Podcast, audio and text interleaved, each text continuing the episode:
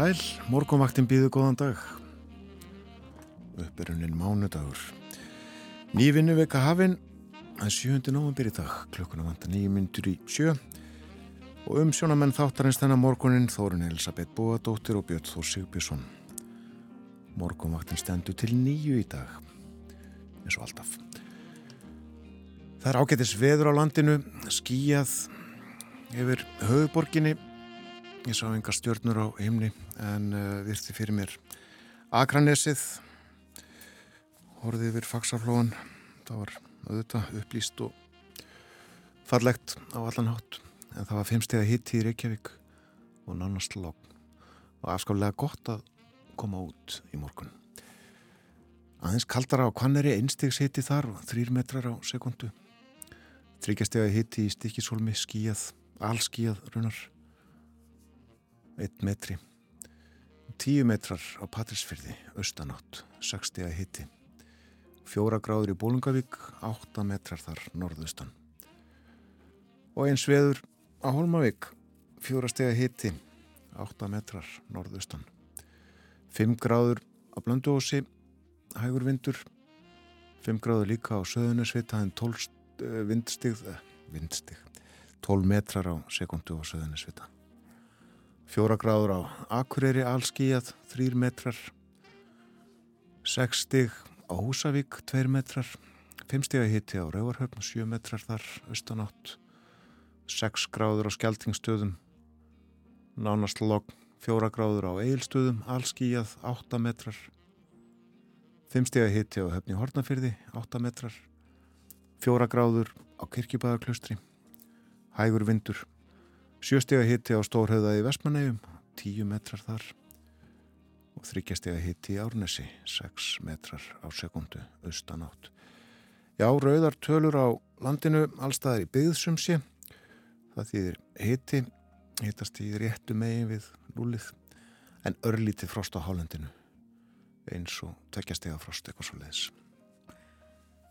Og þetta er hittast í mildara lægi með við orstíma og þannig verður það áfram næstu daga. Veður horfurnar hljóma svona norðaustan 5 til 13 metrar á sekundu í dag en 13 til 18 við suðausturströndina. Regning með köplum austan til en skíjað og lengst af þurft vestanlands og hiti 0 til 7 stiga deginum í dag. Á morgun norðaustan 10 til 18 metrar á sekundu. Regningum landið austanvert, úrkomi minna fyrir norðan en lengst af þurft vestanlands og heldur hlýra á morgun. 2 til 7 stygg. Og hitin breytist lítið næstu daga og lægir á meðugudag, hægu austlæg átt þá en vaksandi svo austanátt um kvöldið. Svona fer þetta fram og tilbaka söðlega átt og myllt veður á fymtudag og eh, söpað á förstudag en þá er þú tiltekið að það verður svalara og gert á því jæljum og vestfjörðum en ágættis veður svona með að við spána núna Og færðu ástand vega samandreið, vetrar færðir víða á norður helmingilandsins en hálka einnig á fáfarnari vegum á Reykjanesi í morgunsárið. Hlustum á Leilo.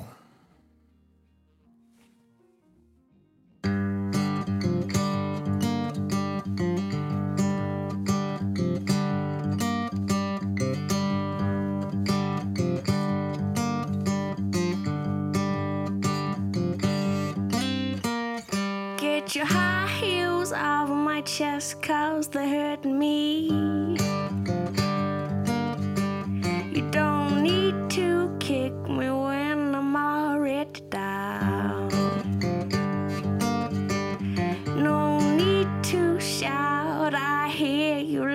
Okay.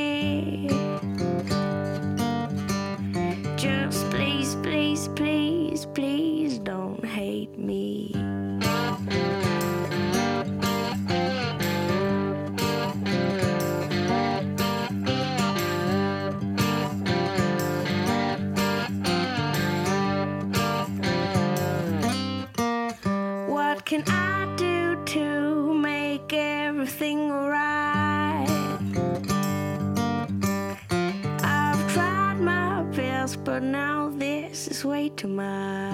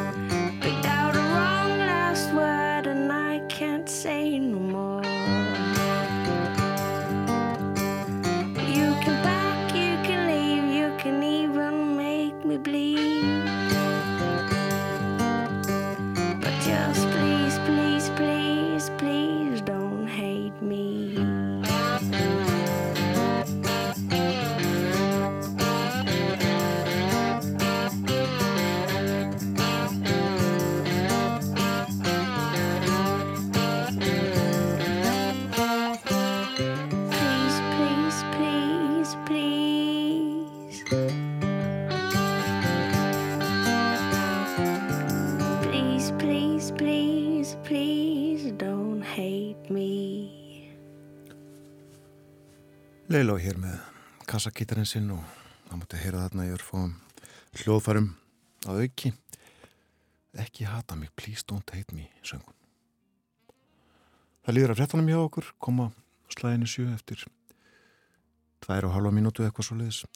En stutlega því sem er á daskra hjá okkur við þurfum að tala aðeins um stjórnmálun í landinu eftir landsfund sjálfstæðisflokksins í gær. Já og uh, landsfund uh, samfylkingarinnar um daginn.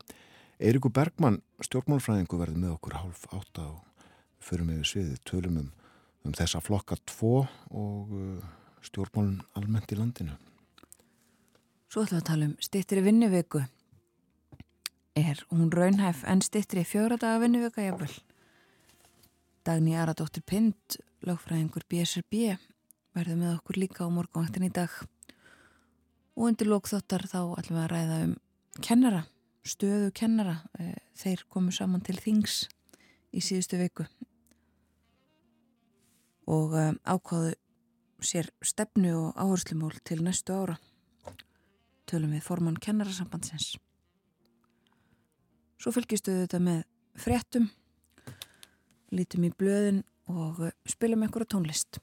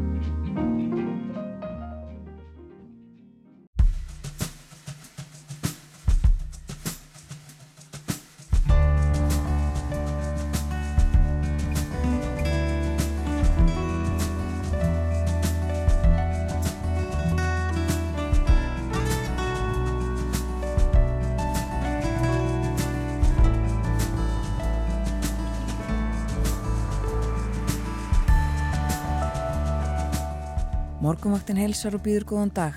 Í dag er mánudagur 7. november. Bjarni Benediktsson var í gær endur kjörinn formaður sjálfstæðisflokksins eftir snarpa kostningabartu þeirra Guðljóks Þórs Þórðarssonar. Við tölum um sjálfstæðisflokkin í þættinum í dag við Eirík Bergmann stjórnmálafræðing, já og um samfylkinguna sem að nýlega fekk nýjan formann og stjórnmálinn vítt og breytt. Eiríkur verður með okkur upp úr hálf átta. Kennarar komu saman til Þings í síðustu viku. Þar var Marta á dagskráni. launamál, mönnunarvandi í leik- og grunnskólum og flótamannamál meðal annars. Kennarar hafa líka áhyggjur af ofbeldi í þeirra garð. Magnús Tór Jónsson, formadur kennararsambandsins, verður með okkur upp úr klukkan halv nýju við ræðum við hann um stöðumála. Vinnuvika margra hefur stist eftir tilraunaverkefni og ákvæði þar um í kjærasamningum. Svo að tíðin að vinnuvikan var sex dagar, það var frí á sunnutugum, en svo var laugadagurinn líka frítagur. En nú má segja að vinnuvikan sé tæpir fimm dagar en mismunandi er hvernig stýttingin er útfærð. En er raunhæft að ætla að vinnuvikan verði einhver tíman fjóri dagar. Við spyrjum Daníu Aradóttur Pind, lögfræðing BSRB, sem á dögunum satt alþjóðlega ráðstefnu um efnið. Umsjónamenn morgumvaktarinnar eru Björn Þór Sjöbjörnsson og Þórun Elisabeth Bóðardóttir.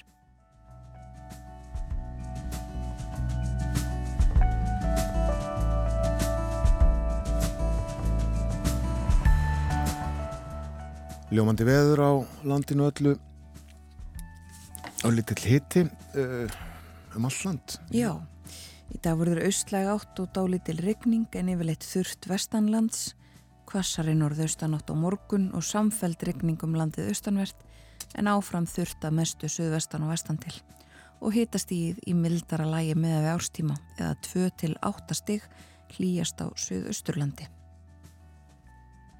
Og uh, ferðin tökum fram skeitin frá vegagerðinni. Það er vetrarferð víða, uh, víða á norður helmingi landsins. En það er líka hálka á útvegum á Reykjanesi. Það eru hálkublettir á Holtaverði heiði og einnig á norðanverðu Snæfellsnesi. Og hálka eða hálkublettir á fjallvegum á vestfjörðum. Það er snjóþekja á Öksnadalsheiði og hálka á Þurarfjalli. Hálkubletti nokkuð víða á öðrum leiðum á Norðurlandi. Og uh, einnig á Norðausturlandi sérstaklega er hálka á fjallvugum mikið til greiðfært með ströndinni og það er hálka á fjardarheiði snjóþekja á breytalsheiði og öksi og hálka við annar staðar á Östurlandi greiðfært með fram ströndinni segir í skeiti frá vegagerðinni og uh, þegar við skoðum umferðina þá sjáum við að uh, hún er rólega á þjóðviðunum síðustu tíu myndum hafa þrýr bílar farið um Öksnandalsheiði og uh, 31 bíl fór yfir heiðina í nótt.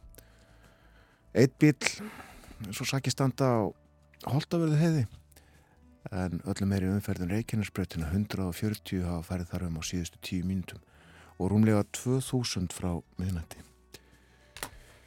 Og aðeins kannski að verðin út í heimi. Íbúar Kaupmannarhafnar geta vænst 12 stíg að hitta í dag þegar hlýjast verður. 10 gráður verða í Stokkólmi nýju í Helsingi og áttastig í Óslo og það verður nýju steg að hitti í Þórsöfn í dag en 11 steg að frost í Núk í Grænlandi og uh, þá að meginlandi Evrópu uh, 14 gráður verða í Berlín og 16 í París 15 stig í Brussel en 21 stig hitti í Róm og 14 steg að hitti í Lundunum drögum hér fram og upp einhverja mynd af meðrinu í öðrum borgum álfunar. Við lítum í blöðum, byrjum á forsýðu morgunbladsins og á henni má sjá kampakáttan Bjarnar Bendiktsson sem var endurkjörinn formaður sjálfstæðisflokksins á landsfundinum í Laugardalsvöll, honum lauk í gær, stóð frá föstudegi og hann þakkaði landsfunda fulltrúum eftir endurkjörið og stendur þarna með opinn faðminn og blómvönd á lofti. Og uh, mynd líka hér á fórsíðinni tekin úr salunum af fólki að greiða atkvæði um einhverja áleiktununa líklega og mörg blá já á lofti. Þegar þið segið gerum betur, náum lengra og stökkum herra, þá segi ég, ég er með í því. Þetta saði Bjarni á fundinum í gær í uh, þakkaræðu eftir að hafa verið endurkjörn formadur. Og uh, á þessum orðum hefst fórsíðu frétt morgunblassins. Nú uh, að öðru helsta dánar orsökin á Íslandi á síðasta ári var krabbaminn. Því næst hjartasjúkdómar. Þessir tveir flokkar ná yfir helming allra döðsfalla á síðasta ári og eru þessar niðurstuður í samræmi við niðurstuðu síðustu ára. Morgunblæðið eh, leitaði tölur úr talnabrunni ennbættis landlæknis. En, uh, þessar tölur voru getnar út nýlega. Illkynja ægsli eru helst að dánar orsökinn hjá körlum og konum. Fjallar ítalega um þetta í blæðinu. Við hafa farið í heim þessu næst. Já, lítum út í heim. Það er ímislegt uh, um að vera uh, og að því að við nefndum hitastig þá er 26 steg hitt í Sharm el Sheikh í Egiptalandi þann sem margar frettir berast þessa dagana og munu gera væntanlega næstu daga og, og vikur. Loftslagsráðstefna saminuð þjóðuna var sett þar í gær. 26 steg hitti og sól og fer upp í 28 steg þar og svoleiðis er hittin næstu daga. Og loftslagsráðstefnan hófst í gær stendur nánast út mánuðin og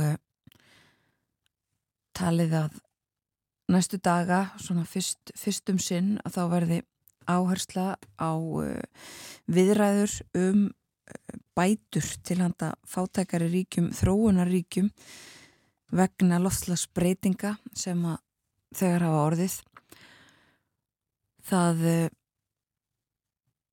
hefur verið talað um að setja saman sjóði til þess að bæði greiða bætur og líka til þess að hjálpa þessum ríkjum að takast á við loftslagsbreytingar sem að eiga eftir að komi ljós og fjallaðum þessi mál víða á fórsýðum blada meðal annars í, í á fórsýðun á New York Times í bandaríkjunum. Og þar er talað um uh, flóðin í Pakistan í sumar þar sem að 1700 létust og eitt þriðji Pakistan var um, undir, já, vatn fletti yfir þriðjung ríkisins. Tala líka um Fiji-eir þar sem að heilu þorpin eru að uh, færa sig til til þess að forðast hækkandi uh, stöðu sjávar og uh, Kenya þar sem að mikil þurkur hefur valdið skaða drepið eða dýr drepist og ímislegt fleira. Og þetta er aðeins nokkrar sögur segir hér af lofslagsbreytingum í ríkjum sem að hafa lítið gert til þess að valda þessari krísu og þessi ríki krefjast bóta frá þeim sem að þau telja og segja ábyrg. Og það eru ríkari þjóður heims sem að hafa brent eh, olju, gasi og kólum í áratugi og uh, búið til þessa mengun sem að nú uh, stefnir heiminum nettinum í hættu.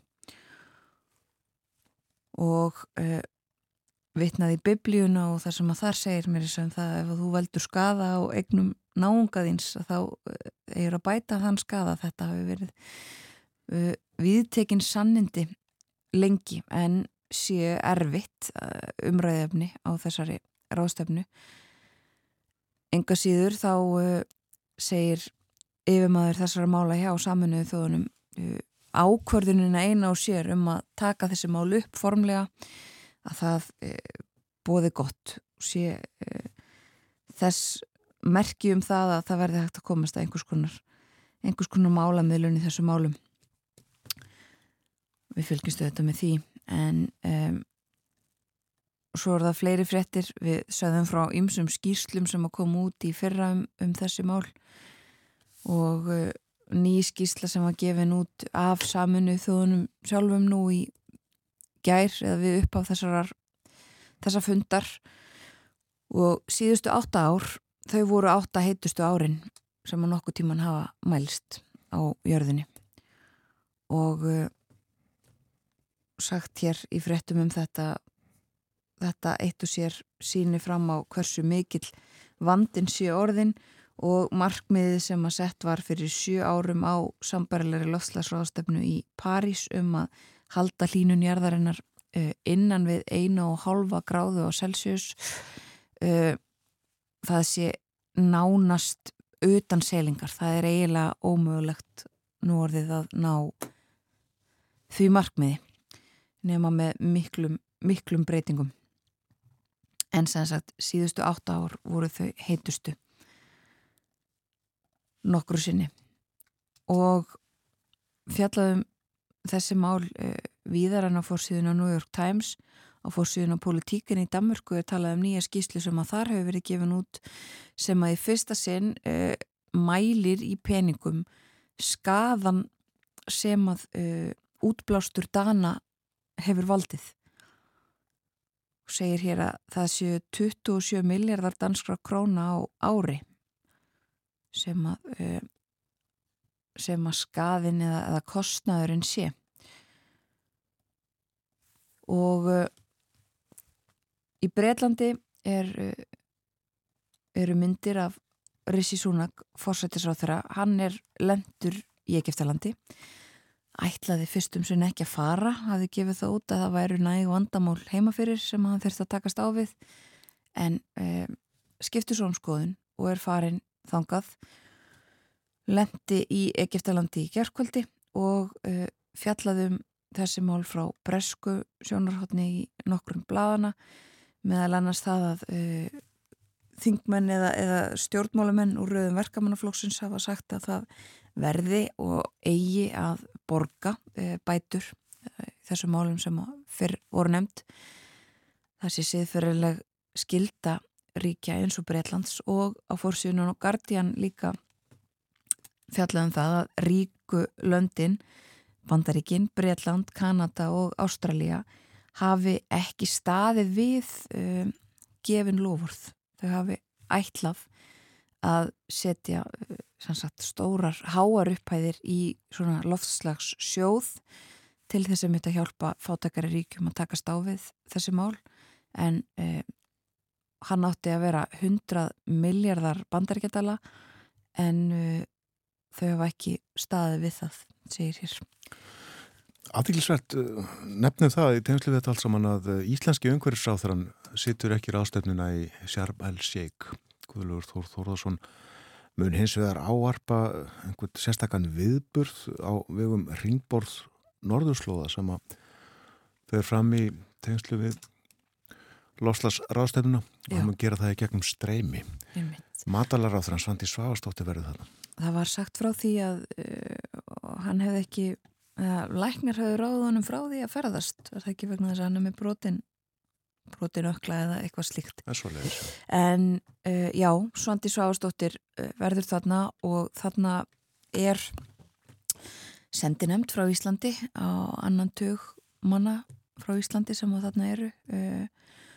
Við heyrðum í formanni sendinemdarinnar eða ég veit ekki hvort það er formlega formaður eða hvað í síðustu viku í samfélaginu. Helga Barðardóttir er þar. Um, og það verður auðvitað áfram fjallað um þessi mál uh, í fréttum næstu daga og vikur sem fyrir segir. Um, aðeins að öðrum fréttum uh, það eru kosi í bandaríkunum á morgun og demokrater búa sig undir ósigur. Uh, búið sér undir það að tapa fulltróðadeildinni og mögulega líka öldungadeildinni. En ímsar uh, frásagnir í bandariskum fjölmjölum af svona uh, hinni og þessari baróttunni og því sem að kalla þeir svona loka loka átækið uh, mér stýrnum að hafa lesið um það marga daga núna að svona einhverja ræður og eitthvað sem að frambjöðundur er að gera sér svona loka nikkurinn en uh, þetta sem sagt uh, klárast á morgun það er að segja þá fara fram kostningarnar en eins og Silja Bára Ómarsdóttir profesor sagði okkur hér í síðustu viku þá getur tekið eh, einhvern tíma, jafnvel einhverja daga að komast að niðurstöðu í sumum þessara ríkja um sum þingsætin. Og við uh, fylgjumst með því hér á morgunvaktinni í vikunni. En uh, þessi mál líka til umfyllunar og rétt áður en við uh, heyrum smá tónlist þá uh, frettir frá Úkræinu þar er uh, Kersson borgin sem að rússar hafa náðu sitt vald orðin Ramóks og Vasslaus stór svæði þar og Úkrænumenn og rússar kenna hvor er öðrum um það að hafa valdið því og líka búið að segja íbúum höfuborgarinnar kænugarðs að vera undir það búin að ramagn fari af borginni og að fólk þá flyti sig þaðan á brott haldi til nágrana eða, eða vina einhver staðar, annar staðar þar sem að er aðgangur að ramagnu og vatni.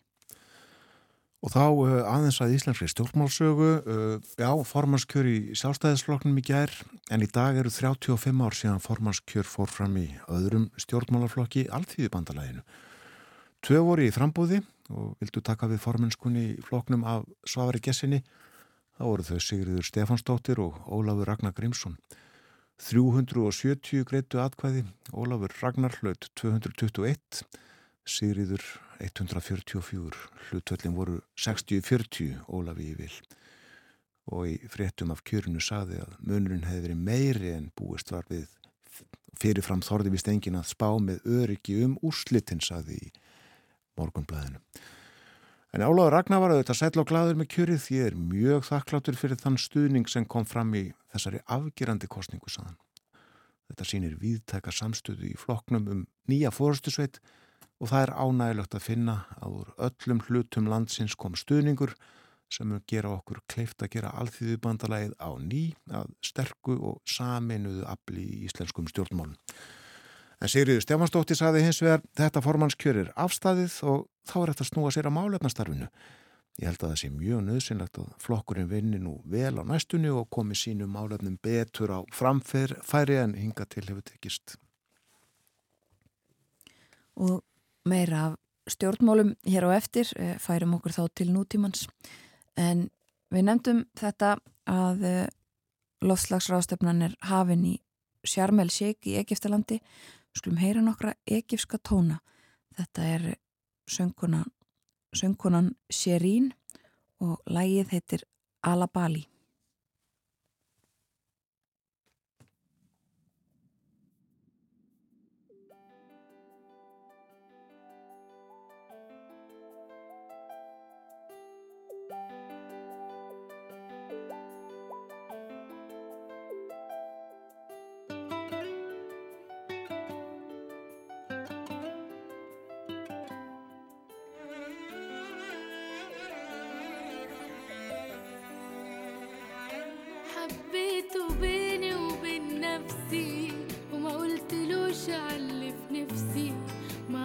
معرفش إيه بيحصل لي لما بشوف عينيه ما بقتش عارفة اقوله إيه. معرفش ليه خبت عليه. بضعف قوي وأنا جنبه وبسلم عليه.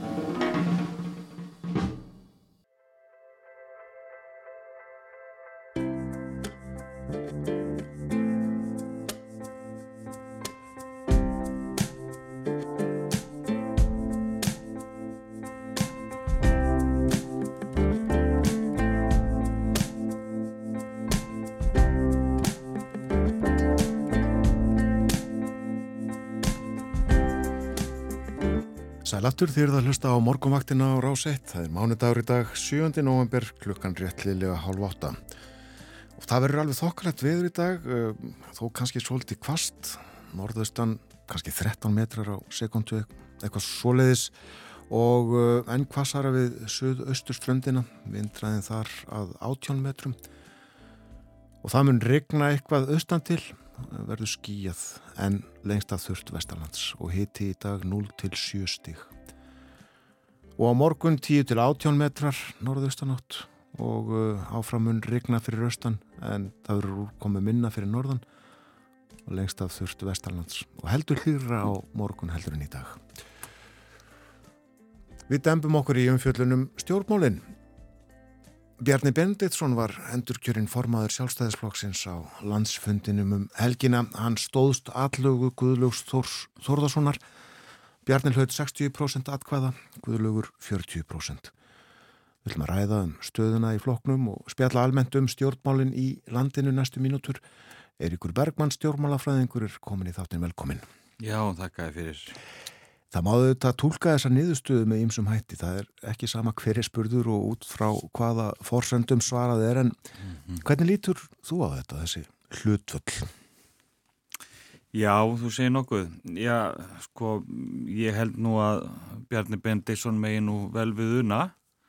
Hann er með öruga fórustu og, og góðan stöðning og rauninni meiri stöðning heldur en bæði þegar að Kristján Þór Júliusson uh, kefti við hann á sínu tíma þegar hann teku við 2009 og líka þegar að uh, Hanna Byrna skorur hann á, á Hólm að þá uh, það ef ég mann þetta alveg nú rétt þá er það sko hún fær um 55% eða hann fær það 55% og hún 45% síðan voru við nú að reyfja upp hérna á þann að Pétur Blöndal hafi nú bóðið sér fram skyndilega á, á fundi Mm.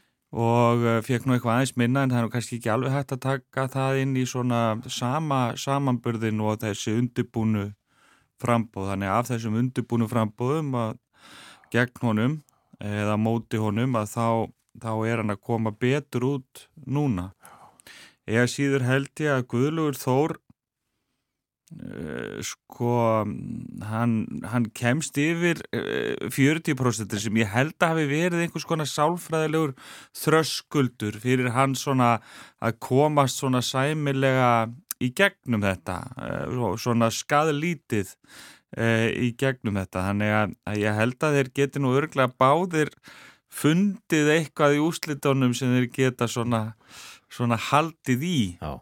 en auðvitað nærguðulegur alls ekki markmiðum sínum, en hann er ekki forma sjálfstæðisflokksins og allagan geigaði Hann ætlaði auðvitað að verða það já, en uh, tókst ekki. Eh, Er, er staða hans eitthvað breytt innan flokksins heldur við? Veistu, það fer bara alltaf mikið eftir eftirleiknum. Um, sko, ef við förum nú aðeins yfir þetta, þá er það nú þannig að þetta frambóð er allavegna hluta til tilkomið vegna umræðu sem farin var á stað um að hugsanlega yrði guðlegur tekin út úr ríkistjórninni í stað Jóns uh, Gunnarssonar. Þetta var auðvitað ekki neitt sem að hafði verið líst yfir en umræða var farin á stað um þetta og formaðurinn sló ekki á þá umræðu og síðan kemur Guðlegu fram og, og býður sér fram. Það er ekki fyrir en eftir það hefur gerst að frambóði komið fram að formaðurinn kemur fram og segir að það hafi aldrei staðið til að taka Guðlegu út úr ríkistjórninni og að auðvitað sé oddvitin Reykjavík alltaf í ríkistjórn.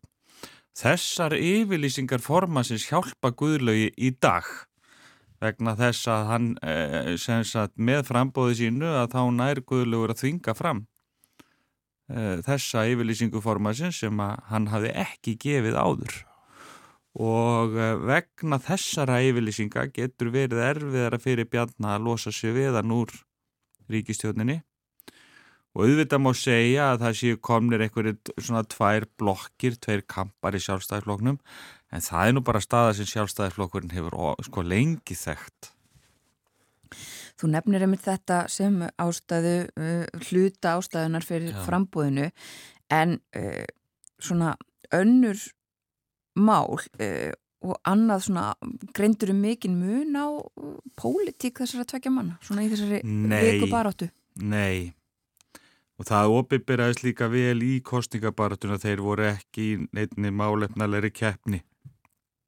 Það var ekki málefna baráta þetta var svona áferða baráta ég eh, held ég hafi orðað það þannig einhvern veginn að þetta væri meiri sko áferðamunur heldur en áherslumunur og um, Guðlugur talar meira svona kannski ofan í einhverja rótflokksins uh, vill upphefja flokkstarfið þinn almenna flokksmann. Um, um, og þannig að þetta er svona kannski meiri spurningin um hugmyndin um hvað sjálfstæðisflokkurinn er sem stjórnmálaflokkur. Frekar heldur en sko hvaða málefnum hann, hann, hann berjist fyrir en maður gæti ekki betur síðan að þeir voru nú nokkuð neginn sammála um öll, öll megin mál.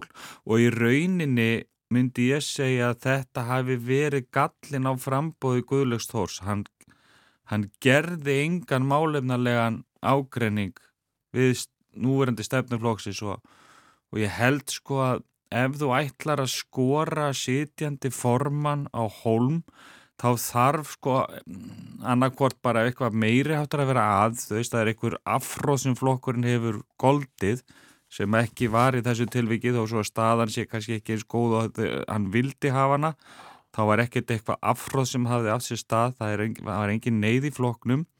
Og þá þartu við slíkar aðstæður þegar þú ætlar að bjóða þig fram að hafa upp, að, upp aðra stefnu að bjóða líka sko málefnalega til þess að, að, að sko bara ná fram næjalegri sko svona fylking og bakviði sem að vill þá stefna eitthvað annað.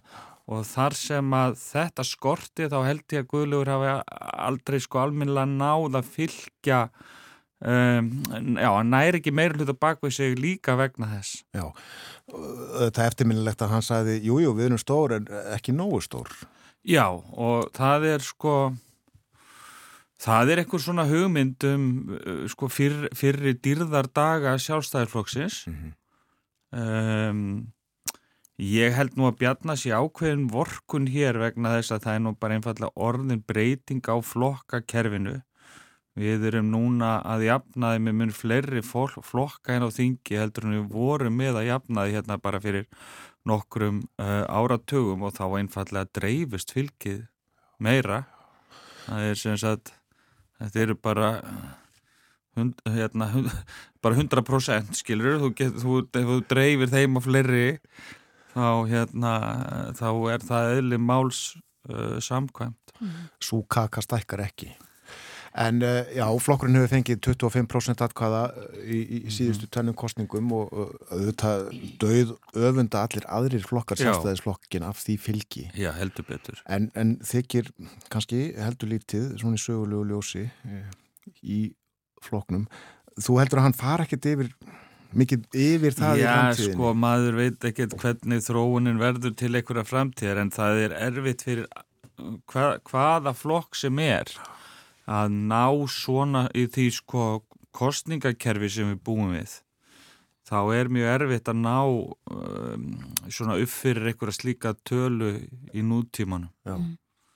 Uh, það þyrti einhverja sko kerfisbreytingu eiginlega til þess að að það sé svona almennilega raunhæft. Ertu þá að vísa í vægi atkvæða og Ég er að tala um bara og... hvernig við skerum sko kjördæmi og fjölda kjördæma fjölda þingmann í hverju kjördæmi stöðu uppbóta þingsæta og þess að þar að þetta kerfi eh, sko eh, setur ramman um hvað er mögulegt.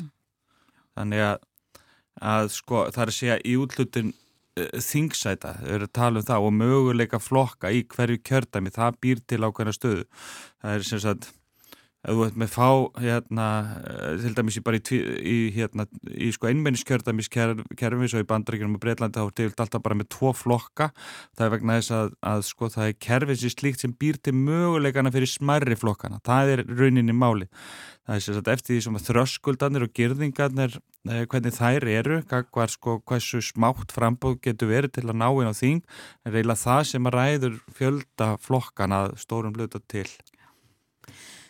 Þú nefndi líka Eiríkur uh, grasrótina, Guðljóð Þór talaði svolítið um, um svona rótina í flokknum og, og hefur gert það. Um, hafa almennir flokksmenn í stjórnmálaflokkum almennt mikið að segja um gjörðir fórustu fólksins? Það er auðvitað gert einmitt mikið með þennan landsfund, hann er stór hjá sjálfstæðarflokknum en, en svona í raun og veru, uh, almennir almennir flokksmenn. flokksmenn. Sko sjálfstæðisflokkurinn er sérstakur fyrir þetta að hann er, og Guðlugur hamraði nú á þessu í kostningabartunni, hann er í rauninni eini stjórnmálaflokkurinn á Íslandi sem er raunveruleg fjöldarhefing. Það eru aðri flokkar sem að er að reyna að ná ymsum ein, einkennum fjöldarhefingar en þeir eru það ekki raunverulega. Sjálfstæðisflokkurinn er eini flokkurinn sem er raunveruleg fjöldarhefing. Það kemur fjöldi fólk saman og hverfafjöl og það ræður á þessinum og jú, eh, álíktanir sem samþektar eru á landsundi skipta máli og ég held að skipti meira máli heldur en í mörgum öðrum, jafnveg flestum öðrum stjórnmálaflokkum. Þannig að menn, sko almenni flokksmenn sem að raunverulega beita sér í málefnastarfi, ná fram breytingum á áleitunum, afla fylgis og svo framvegis, þeir geta haft verilega áhrif. Það eru, það eru kannski fæstir landsfunda fulltrúar sem haga sér með slíkum hætti, en þeir sem það gera geta haft töluverð áhrif. Mhm.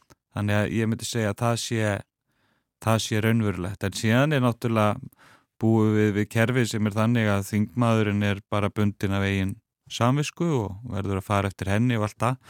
En jú, þetta, sko, svo er það spurning hvað er að hafa áhrif, skilur þú? Getur haft einhver áhrif en kannski ekki afgerandi áhrif.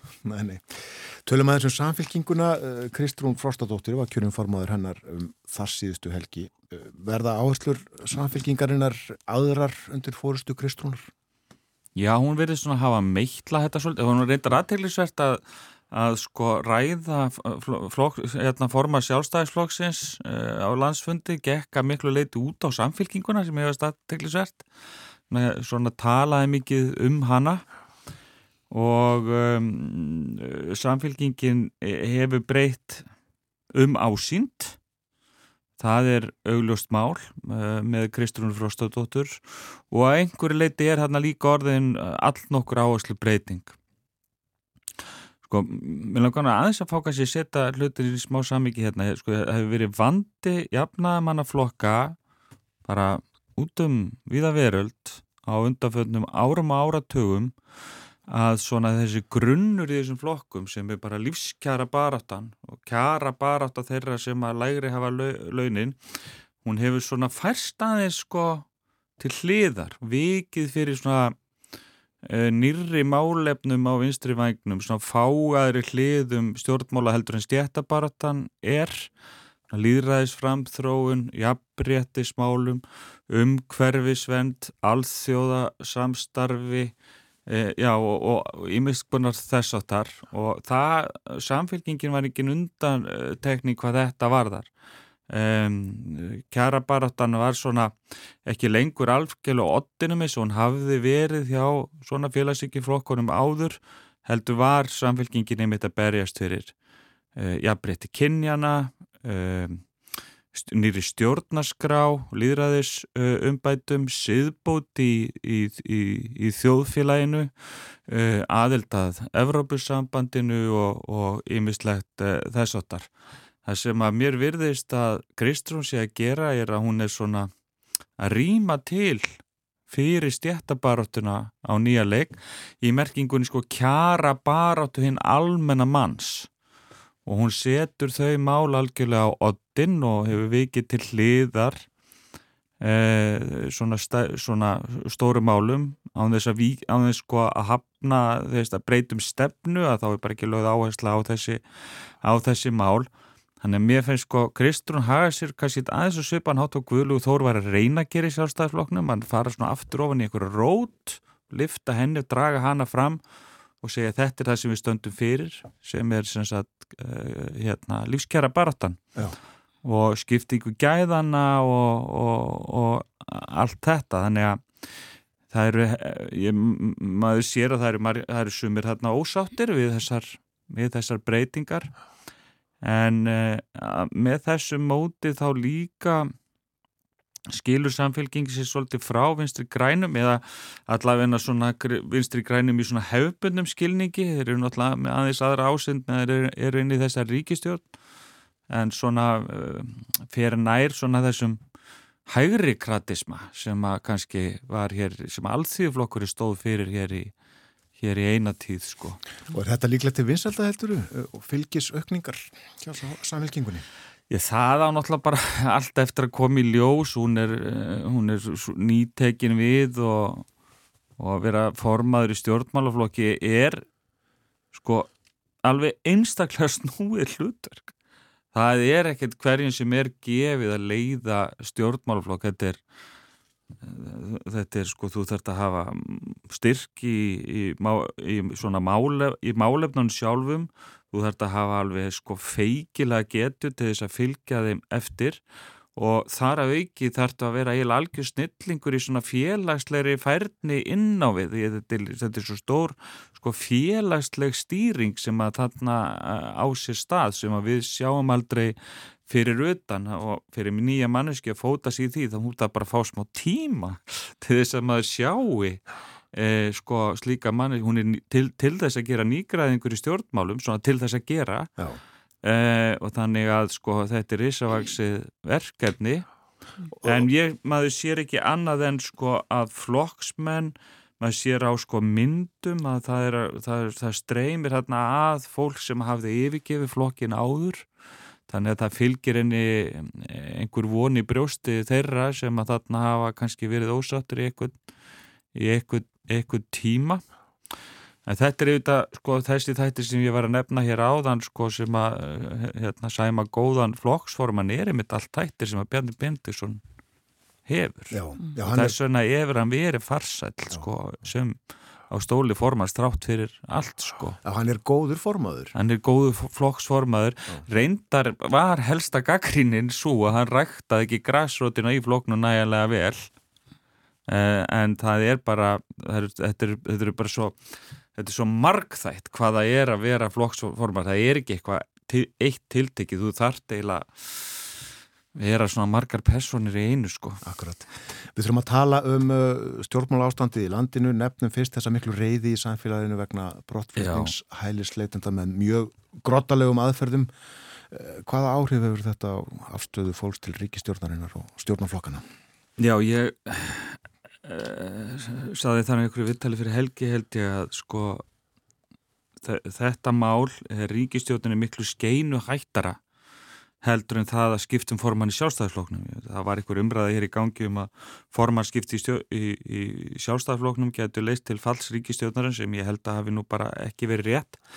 En svona mál eru þau sem að eru runninni hættulegust fyrir uh, ráþara og þar með auðvitað uh, ríkistjórnir að einhverju leiti, sko ráþara hafa röklast úr stólum sínum uh, vegna svona mála og sko í aðdraganda þessa máls að þá höfðu þið séð með svona harða umfjöllun uh, í gangi uh, í þjóðfélaginu um málefni hæ, hælisleitenda sem að var svona um það að hér væri ströymurinn og mikill og að, að það er það spórna við og eitthvað þess og þar og einhverju geti haldið að það væri þá afstafa fólksins í landinu en það er yfir þegar svona mál koma fram að þá sést að þetta er kannski ekki raunverulega afstafa meiri hluta fólksinn, tökli meiri hluti um, ég er held ég fylgjandi því að fólk sé meðhundlað á, á mannúlegan hátt. Þannig að ég held að svona mál séu þetta er svo tilfinningaríkt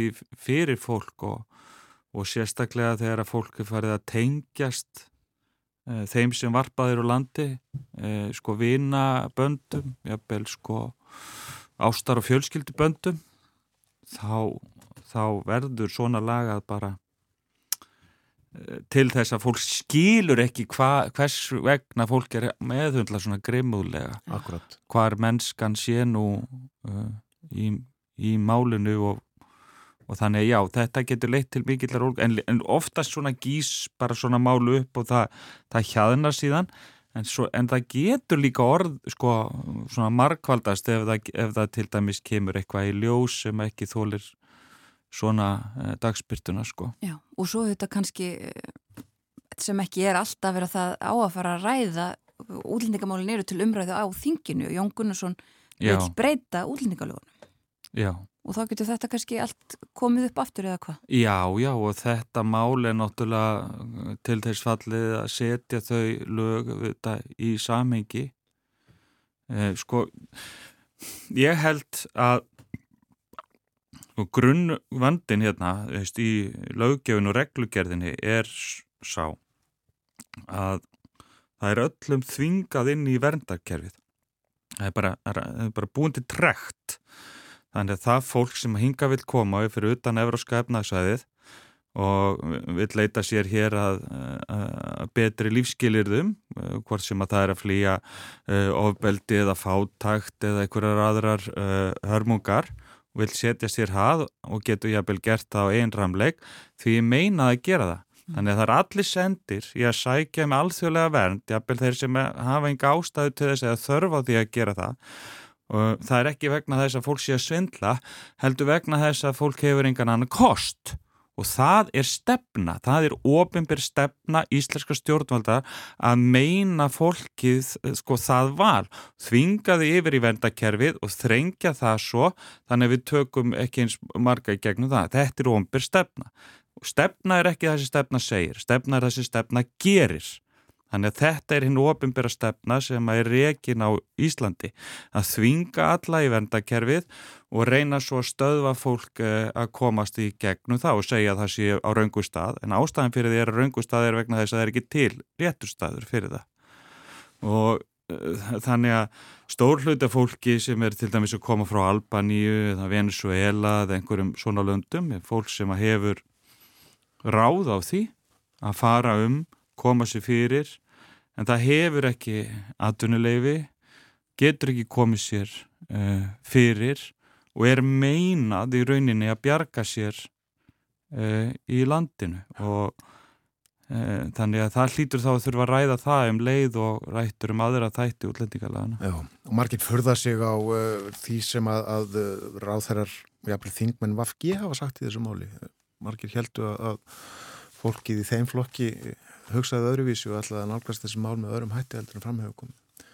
Já, vinstri grænir leiða þessa ríkistjóð sem heldur úti þessari uh, stjórnastefnu þannig að, að hérna, það er nú alltaf undra að þeir fylgi eigin stefnu.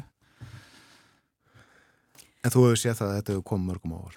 Þetta hefur, ko- sko, já, það er náttúrulega líka hvernig svona lagaði framkvæmt, það er bæði það hvernig það er framkvæmt og að fólki skuli, sko, varpað úr landi og meðhönd, ég held að sé þetta, að meðhendla fólk eins og glæpamenn sem ekki hefur brotið af, af sér líka, það er svona annar þráður í þessu sem að svona hittir fólk illa fyrir.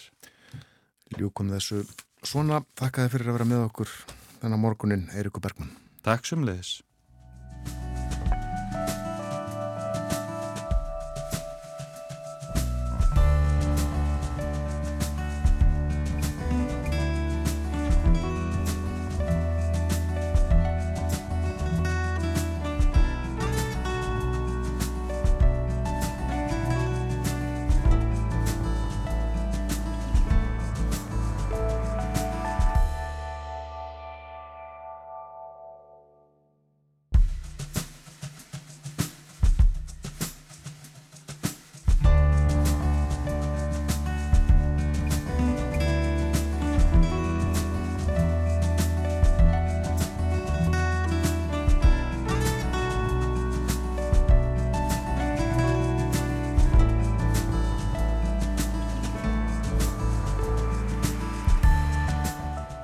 Sæl aftur þér að hlusta á morgunvaktina á rás 1, klukkan farin að ganga nýju.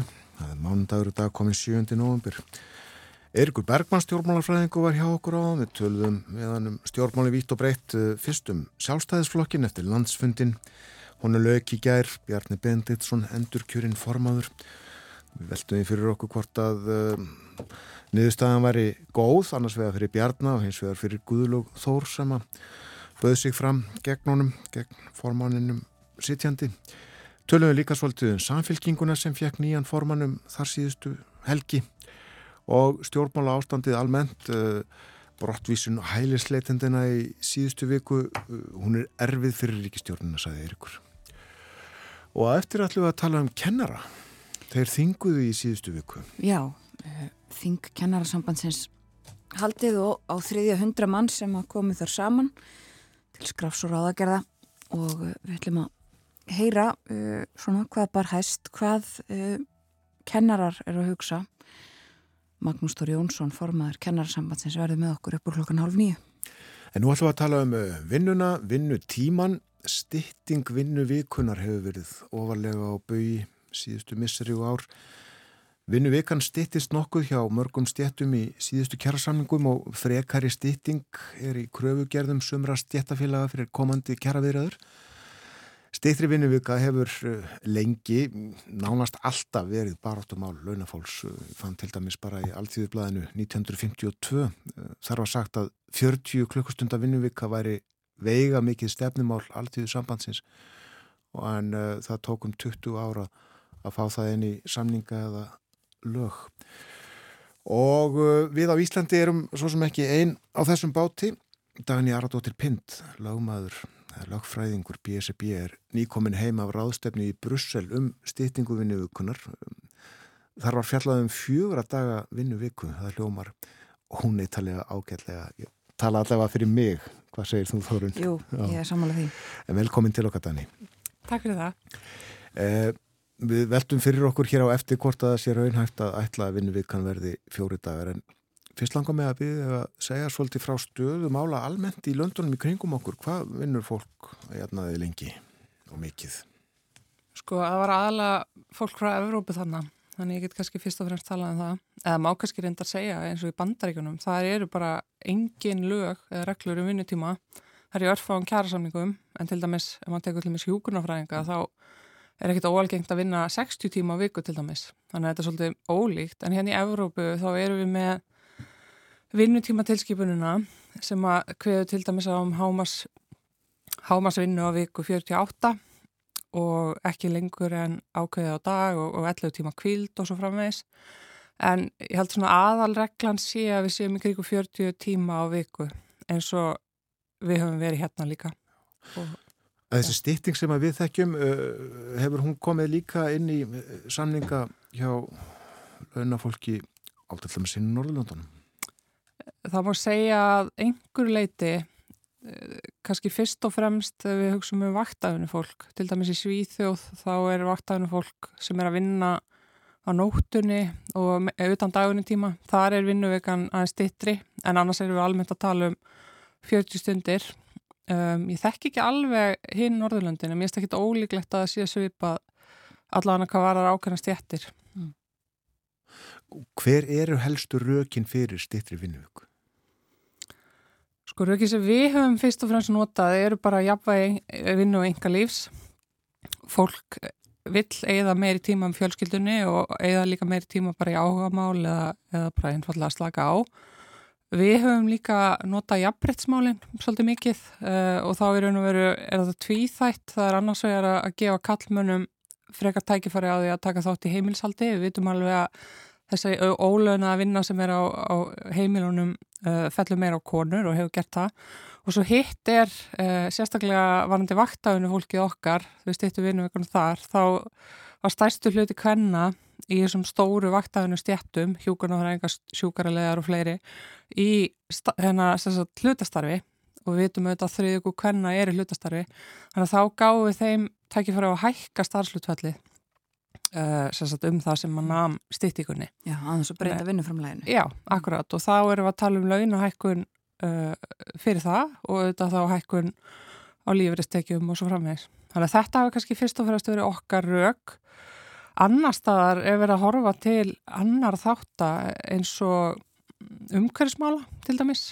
Að með því að stýta vinnuvikuna þá bæði getur dreigið úr hérna, ferðum fólks til að fara að vinnu og, og kannski líka að fólk hefur meiri tíma og er þá kannski ekki að borða skyndibita eða, eða hérna svona, uh, hvað segir maður, svona fljót eða sérst mati í svona einhverjum pakningum sem þú getur bara hita upp heldur hefur kannski meiri tíma til að elda sjálft eða, eða baka sjálft eða eitthvað slíkt. En þetta var kannski ekki á ottinum hjá okkur. Við vorum svona frekar að hugsa til sagt, svona lífsgæða hvers og eins og, og þess að jafnbrettis og, og svo auðvitað bara líka það hafa orðið svo mikla framfarir í hérna bara nánast allri vinnu að það er ekkit óöðulegt að, að hérna, skipta þeim gæðum að þessi jafnar. Hvernig finnst þér eh, þessum kröfum almennt hafa verið tekið meðal uh, vinnuveitenda hvort sem þeir eru ofnberir eða engaðeilar? Sko almenni markaðurinn þau söndu þarna 2019 síðla árs og þar komu inn heimildir hjá mörgum, allavega hjá Affer og hjá yðnaðamönnum, heimildir fyrir því sérst á hverju vinnustæða að stýtta vinnuveikuna. Þannig að eh, auðvitað hefur maður heyrt rökin sérst frá mótaðalunum, þá kannski fyrst og fremst samtökum aðurnlífsins og en það allan að gekk á þeim tíma og svo sagt, sömdu ofinberu félaginn og, ofinberu launagreðandur uh, hann í mars 2020 og þá er henni verið gengið álíka lánt allavega hvað var það daginu fólk en, en þetta var kannski aðeins svona fastar í skorðum þannig að, að sagt, þetta var ekki svona algjörlega forræði hvers og eins uh, heldur var sett sérst umgjörð um þetta og svo er henni verið var gengið enn lengra hvað var þar sérst vaktaðinu fólk og og stitt meira fyrir fólk sem að er að vinna þunga vaktabyrði. Og það gekk í sjálfsög bara ágætlega þessa samningaveraður á þeim tíma, þannig að 2020. Þannig að þeir finnst ríkja uh, sæmilega góðu skilningur á þessum sjónamiðum ykkar uh, meðal atvinnureikenda og fyrirtækjegenda og stjórnunda. Já, uh, ég geti auðvitað bara að tala fyrir ofnbæramarkaðin, annað kannski hef ég bara úr samtölum við félag á almenna eða úr fjölmunum eða eitthvað, en, en, hérna, en já, það ríkir alveg skilningur af þessu og það er alveg kannski ástæður fyrir því líka auðvitað þessar tækniframfarið sem ég vísaði og líka ég held að það sé svo ákveðin svona kynnslóða skipti í þessu að yngri kynnslóðin er kannski ekki ja, til í að bara eigða öllum sín tíma í vinnu og leggja allt sitt einhvern veginn, alla sína sjálfsmynd í vi- vinnuna. Heldur vill frekar hérna uh, eins og ég segi, eða meiri tíma með fjölskyldu eða, eða bara fyrir sjálft sig.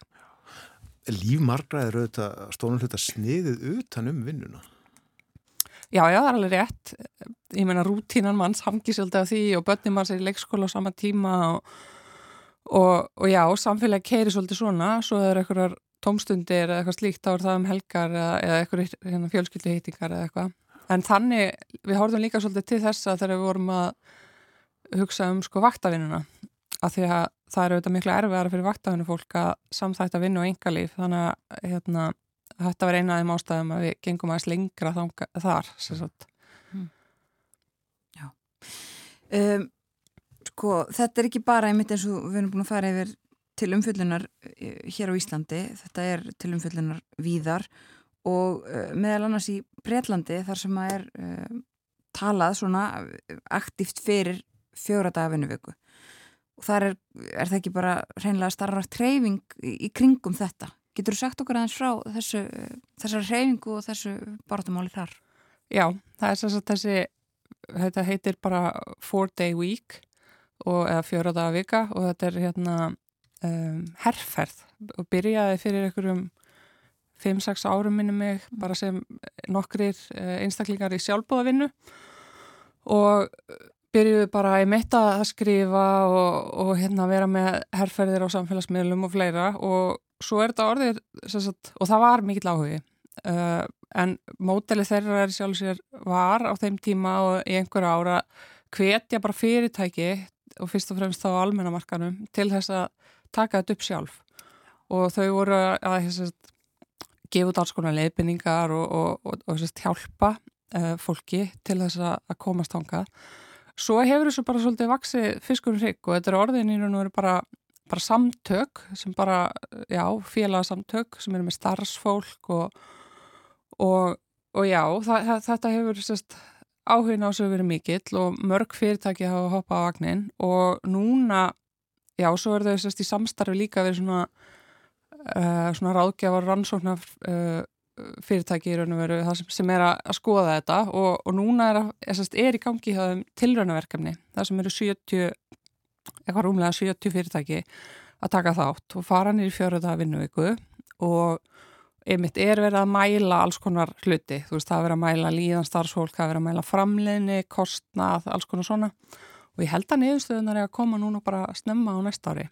Þannig að þetta er veru, já, er svona ákveð reyfing og þau er að fara bara nýri fjóra daga. Já. En þannig að það er reyfingin uh, sko ekki á vettvangi stjættarfélaga eða svona þannig samtaka heldur svona fyrirtækjana sjálfra og eða þess að, já, á að fyrirtækin sjálf taki þetta upp. Já, um, auðvitað kannski starfsfólk einhverju leiti en, en ekki stjættafjölu og heldur ekki samtöku aðtunurreganda hafa ekki verið sérstaklega virki í þessu Mm. og það má í raun og veru segja að það sé svipu staða víða í Evrópu, kannski undatækningin þá Norrlöndin og, og Þískaland, ég þekki ekki alveg stöðuna allstaðar en ef við lítum að sunnar það sem er líka verið að vinna þessu þá er miklu frekar hortið þess að þetta sé sett í löggjöf. Og ég held að ástæðana fyrir því séu kannski fyrst og fremst bara að stjættafélög og þáttakaði þeim er bara alls ekki jafn há og hérna. Þannig að sagt, þetta vakti svolítið aðteglega núti hvað, hvað hérna, verkefælisreifingin er, er framalegi þessu og þetta sé gert í gegnum kjærasamlinga hérna. Já, en allavega, eh, ef við skilum rétt 70 fyrirtæki í Breitlandi til ég að prófa þetta. Já, það er sérst þetta tilvönaverkefni núna en, en ég held að séu, ég veit svo sem ekki töluna en það eru fleiri sem hafa farið þessa leið á undan og eru sérst ekki með í þessu tilvönaverkefni þá. og vona á niðurstöðum. Það þarf auðvitað að mæla er það ekki, er það ekki stóra máli fyrir fyrirtækin að fólk gerir þá það á fjórum dögum sem það eh, hefði gert á fimm. Jú, og þetta hefur auðvitað verið líka krafa uh, launagreðanda hérna en það er kannski líka áhugavert í þessu kom fram í, í máli þessara sem voru að tala hana frá Breitlandi að það er ekkit öll fyrirtæki sem vita hvað þau eru að gera. Þú veist, þau er ekkit með einhverja tölur um sína eigin framleini. Þannig að þetta er kannski líka sparki rassin til að hérna vera aðeins svona kannski fylgjast betur með því og vera með einhverja mælingar almennt. Finnst þér uh, raunhæft eða líklegt að hér verði innleitt fjóra daga vinnuvika eftir einhver ár? Mér finnst það, við sjáum auðvitað núna það er í kröfugerðum uh, hjá innamönnum og hjá Vaffer held ég líka sem er auðvitað mjög stór uh, samtök.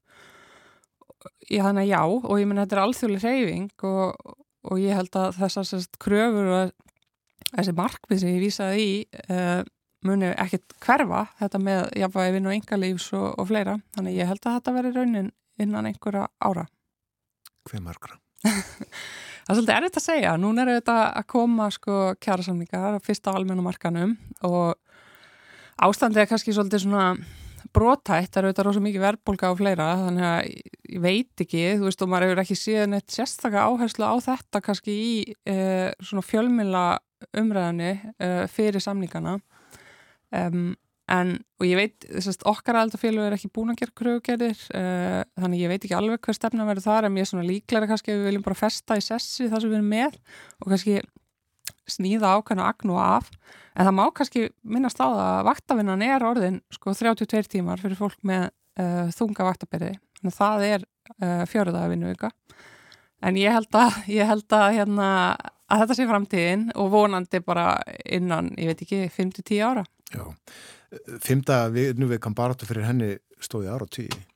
Já, við erum verið þróunin á vinnutímabreitingum hefur ekkert verið neitt sérstaklega hröð og við erum ennþá að vinna þessa 8 tíma vinnudaga sem e, voru bara teknir upp í yðinbyltingunni þegar fólk var að vinna í, í mjög svona ekki heilsusamlegar aðstæður í versmiðum og í dag þetta er þetta allt, allt öruvísi og kannski má líka segja að COVID hafi svolítið ítt okkur uh, svona í það að fólk hugsa aðeins svona öðruvísi um vinnutíma sinn og margir kunna meta meiri sveianleika og eins líka bara að svona einhvern veginn kunna meta yngarlegu sitt betur. Já, aldrei þess. COVID já og kulnun líka. Það er mikil umræð um kulnun. Já, þetta er auðvitað líka þetta með að jafnvægi vinna yngalífs og draga úr streitu og, og draga líka eitt af markmennum að líka draga úr langtímaveikindum það er kannski svolítið skamt á veg komið til að meta það almennilega og auðvitað líka fengum við COVID-faraldurinn það sem að allir tóku allána eina til tvær vikur í veikindi og, og auðvitað fyrir okkur sem erum með þetta starfsfólki almanna þjónustu þá var það auðvitað í framlínu mikið að því þannig að það er svolítið erfitt kannski að meta þetta á þessum tímapunkti en, en við höfum væntingar til þess að dræja úr því og að samanskapið þá að streyta farið niður á við og, og vonandi þá er mitt að fólk náðu meira jafnvægi og, og verði ekki fyrir heilsutjóni að völdum vinnunar. Já. Emitt, uh, það er margt í þessu vinnuvikan hefur stist uh, í nokkrum skrefum en ekkert mjög mikið kannski. Því að spáði það ekki fyrir svona hundra árum mætur maður sem að sagði uh, eftir einhverja áratvíi þú kanta betur en ég, þá mun maðurinn vinna, já, ég raun bara að örfa á klukktíma viku. Já, já, það var hérna Keynes, uh, einn af þessum svona stóra hagfræðingum fortíðarinnar. Hann sagði, minnir þetta hafi verið á eitthvað, eitthvað fyrir sí- mið- miðja síðustöld að einmitt, núna á cirka þessum tíma myndum við vera að vinna 15 klukkstundir á viku. Það er svolítið langt í það. En, en hann var þess að horfa til þess að tækniframfarir eru þetta svo hraðar og ég held í sjálf sér að það hafa alveg gengið eftir. Það eru þetta orðið sko sjálfvirknivæðing í, í mörgu og, og það er orðin, ég minna, þú veist bara skrifstofufólk, þú veist, áður var það bara einhverju örfáur sem voru að rita á ritvilar, þú veist, núna og fólk var að sko senda sendibrifið að faxa, þú veist, ég myndi ykkur bara munin á því sem við afköstum okkur en degi. En Hvers vegna hefur þetta ekki gengið eftir einmitt? Það hafa orðið mikla tæknibreitingar. Uh, ég held að það er svolítið erfitt að segja, það er kannski, já, bara einhver leiti eitthvað træða og auðvitað finnum við, fundum við það alveg líka að það var alveg ákveðin hópur okkar fólk sem var ekki toppandi glatt yfir þessum kröfum. En svo er einmitt rosalega gaman að sjá eftir á, þú veist, jafnvel uh, lögreglumenn, kallmenn á miðum aldri sem voru að upplifa það að vinna 8 tíma viku eða sérst fyrir ekki daga og, og voru bara, já, heyrðu, ég get bara farið í hérna hlaupahópin eða kirkjukórin og það var svo gaman að sjá sko viðhóspeitinguna en ég held líka kannski að þáttur, þú veist, atvinnureikanda og ofnbæra launagreðanda sé alveg stóri í þessu líka að hafa kannski ekki já, þú veist, kannski bara freka þá vilja taka og ágáðan á þessu uh, til sín í staðan fyrir að dreifunum kannski meðan sangjandar hætti uh, á sagt, bæði fyrirtæki og þá starfsfólk. Já. Egundu fyrirtækja vilja hagnað. Já, ég meina, ég held að þetta sé alveg hluta ástæðinni og, og einmitt, bara því að við erum með vinnutíma skilgarningar í kjærasamningum, svo erum við með lögum 40 stundar vinnuviku og já, það er yfirlega ekkert eitthvað brjálasla hröð þróun á svona hlutum á vinnumarkaði almennt. Já, Þetta kemur svona í bylgjum. Við höfum talað um þetta vítt og breytt, gleymum því ekki að, að sumum lífið bara besti vinni, vilja vinna sem mest og lengst. Já, já, það er auðvitað alveg þekkt, en eins og ég sagði á hann, ég held að sé ákveðin kynnslóðamunur í þessu, að, að fólk af yngri kynnslóðum vilji frekar, sérstlega, leggja meira virði í aðra þætti lífsins. Þakka fyrir kominga til okkar. Dani Ardóttir Pinder, lagfræðingu BSB. Við spjöldum vinnutíma, hvað við vinnum mikið, eða lítið, eftir því hvernig á það er lítið. En hún var á dögunum í Brussel á ráðstefnu þar um uh, fjóra daga unnuvíku og uh, hún telur raunhæft að við munum eftir einhver ár vinna fjóra daga, frí í þrjá. og kröfugerðir eins og komið var á líka uh, núna í kjærasamningum, uh, Vaffer og uh, félug yðnaðmanna sem að, uh, eru með þessa kröfu í sínum kröfugerðum. Það líður að yfir litið frétta hjá okkur fáum það eftir 5 minútur, þá voru klukkan hálf nýju og uh, eftir frétta yfir litið þá ætlum við að tala um kennara og uh, kennslu, vitt og breytt.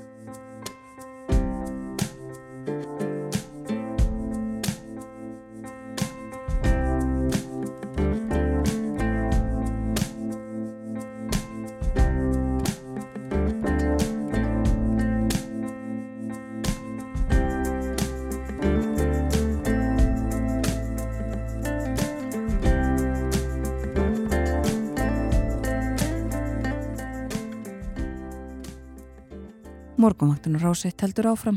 Klukkan orðin leðilega hálf nýju þannig mánudags morgun. Hér hjá okkur áðan var Dagný Aradóttir Pind. Hún er lagfræðingur BSRB. Við rættum um fjóra daga vinnuviku. Möguleika ná því að uh, slíkt verði að veruleika. Já, hún sagði það uh, alveg inn í myndinni á næstu árum. Og fyrir morgun rættum við um stjórnmálinn, vítt og breytt. Eirikur Bergmann, stjórnmálafræðingur, var með okkur. Við rættum um landsfundi bæði sjálfstæðisflokksins og samfélkingarinnar og um stjórnmálinn svona almennt. En eh, næstu mínuturnar þá ætlum við að tala um annað, eh, annars konar þing heldur en alþingi. Þing Kennarasambands Íslands fór nefnilega fram í síðustu viku. Þar komu saman á þriðja hundra manns úr öllum aðildarfélögum kennarasambandsins og mótuðu stefnu til næstu ára. Og í símanum er Magnús Þór Jónsson, formaður kennarasambandsins. Góðan dag. Já, góðan daginn.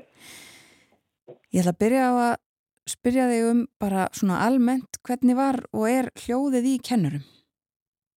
Já, við kannski bara byrjum á að tala um, út á þinginu þá held ég að við hefum geta, valla geta verið gladari með, með þingið okkar.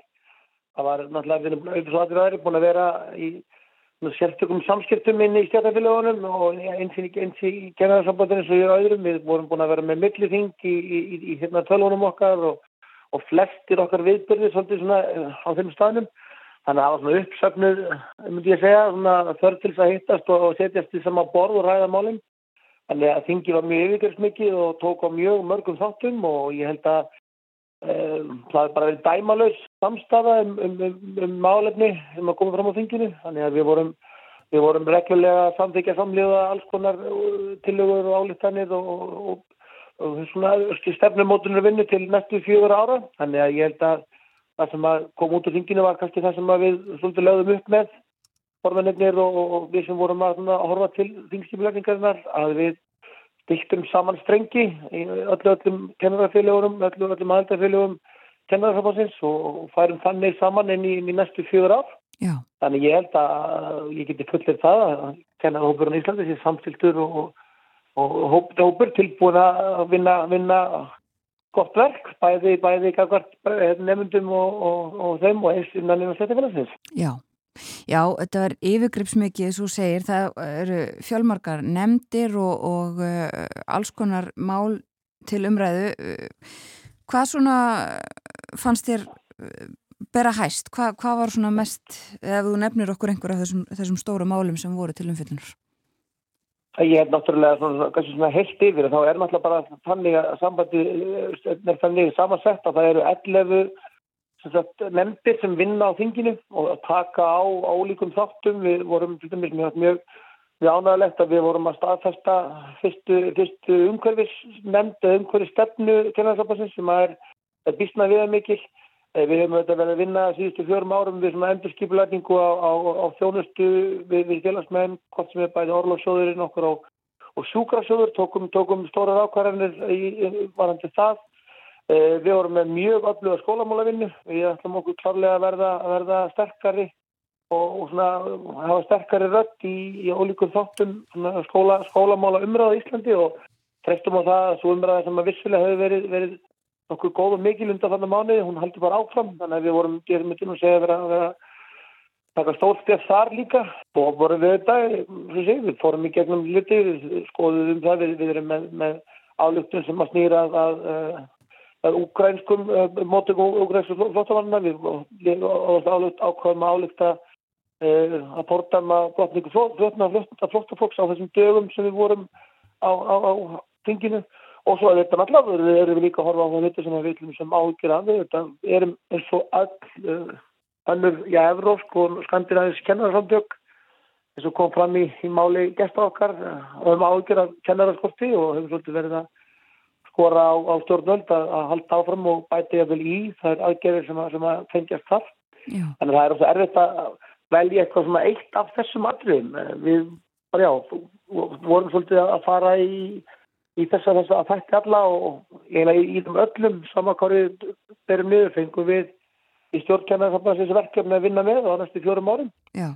Þannig að þetta var viðfæmt og, og, og, og mikið í gangi sem að kannski bara lýsir svona ákveðni grósku sem er í, í íslenskum skólamálum þessi, þessi vissuðin. Einmitt. Já, mér langar að nefna að halda þess áfram með eh, tvennt af þessu sem þú nefnir, sko, einmitt, það var eh, samþygt álutun um uh, áhyggjur af skorti á kennurum og bara mönnunar vanda í leik og grunnskólum. Og uh, svona sérstaklega líka uh, tekið til þessi umræða sem hefur verið í Reykjavíkuborg um fækkun starfsfólks um, Sko og þú einmitt eh, segir þetta, það hefur náttúrulega verið gripið til alls konar aðgerða til þess að reyna að ebla nýliðun en, en gengur þess að þú hefur ekki gengið nægilega vel? Já, við höfum klárlega náð ákveðum árangri í, í, í sambandi við leikskóleikennarana. Það var bara tölur sínt okkur það að það hafi verið að, verið, að, verið að bætast í hópa, hópa, hópa sem hafa lokið leikskólekennara það ummestrinn á mig á síðustu árum. Eh, það sem er að gerast kannski núna er það að við svona sjáum það að það er að verða mönnunavandi inn í grunnskólanum sem hefur verið að byrtast á síðustu svona 2-3 árum nokkuð mikið og, og í rauninni erum við líka að hafa ágjör af kennarahofnum í framhalskólanum þar sem að meðalaldurinn þar hefur aukist mjög mikið, sérstaklega þar sem við erum að horfa á, á kennara sem eru að sinna verknámi, þar, þar erum við bara á, komin á erfiða staði og, og það er bara það sem þarf að gera er það að við þurfum að virkilega setjast yfir ólíka þætti þess hvernig við erum að, að nálgast það að fá fleiri kennar til starfa. Við sjálf ákvæðum líka að bæta við að, að stopna á næstu vikum og mánuðum nýtt svona fagfélag, við erum með fagfélag alls konar greina kennara og þar ætlum við að búa til fagfélag fyrir nýliða í kennslu því að við höfum voruð varfið það að svona umræðan hefur verið svolítið annars fyrir það að þau þurfum að ganga betur að sækja í nefnundur í námið en svo þurfum við kannski líka öll saman að halda betur utanum þá, þá einstakleika sem að komin í kjenslu og, og þar hóðum við hort til Norðurlandana til dæmi sem hafa verið á þessu undanfjörðum árum að virkja nýleðana tölvöld meira heldur en kannski áður fættist og við viljum eldast við það. En auðvitað er þetta markþættir markþættir aðrið sem koma þar að við hefum til dæmis auðvitað hort á það að við náttúrulega líka í okkar okkar vinniumkuris nefnd og hóða til þess að við höfum ákveðin ráðgjör að því að kennarastarfið hafi fengið nýtt svona er best við álag í starfi sem að, snýra orðræði á netinu og svona í umhverfi sem að kennarar búa við. Þannig að þetta er kannski þrýþætt að ég myndi segja það að stjórnöldi halda áfram að reyna að leita leiða til þess að styrkja styrkja kennaranámið okkar og, og bæta það og ég ætti að líta horfa til þess að koma til móts við það að einhvern veginn þurfum við að fjölga kennurum og þannig að við bjóðum til einhverja aukna styrki eða slíkt við þann ám.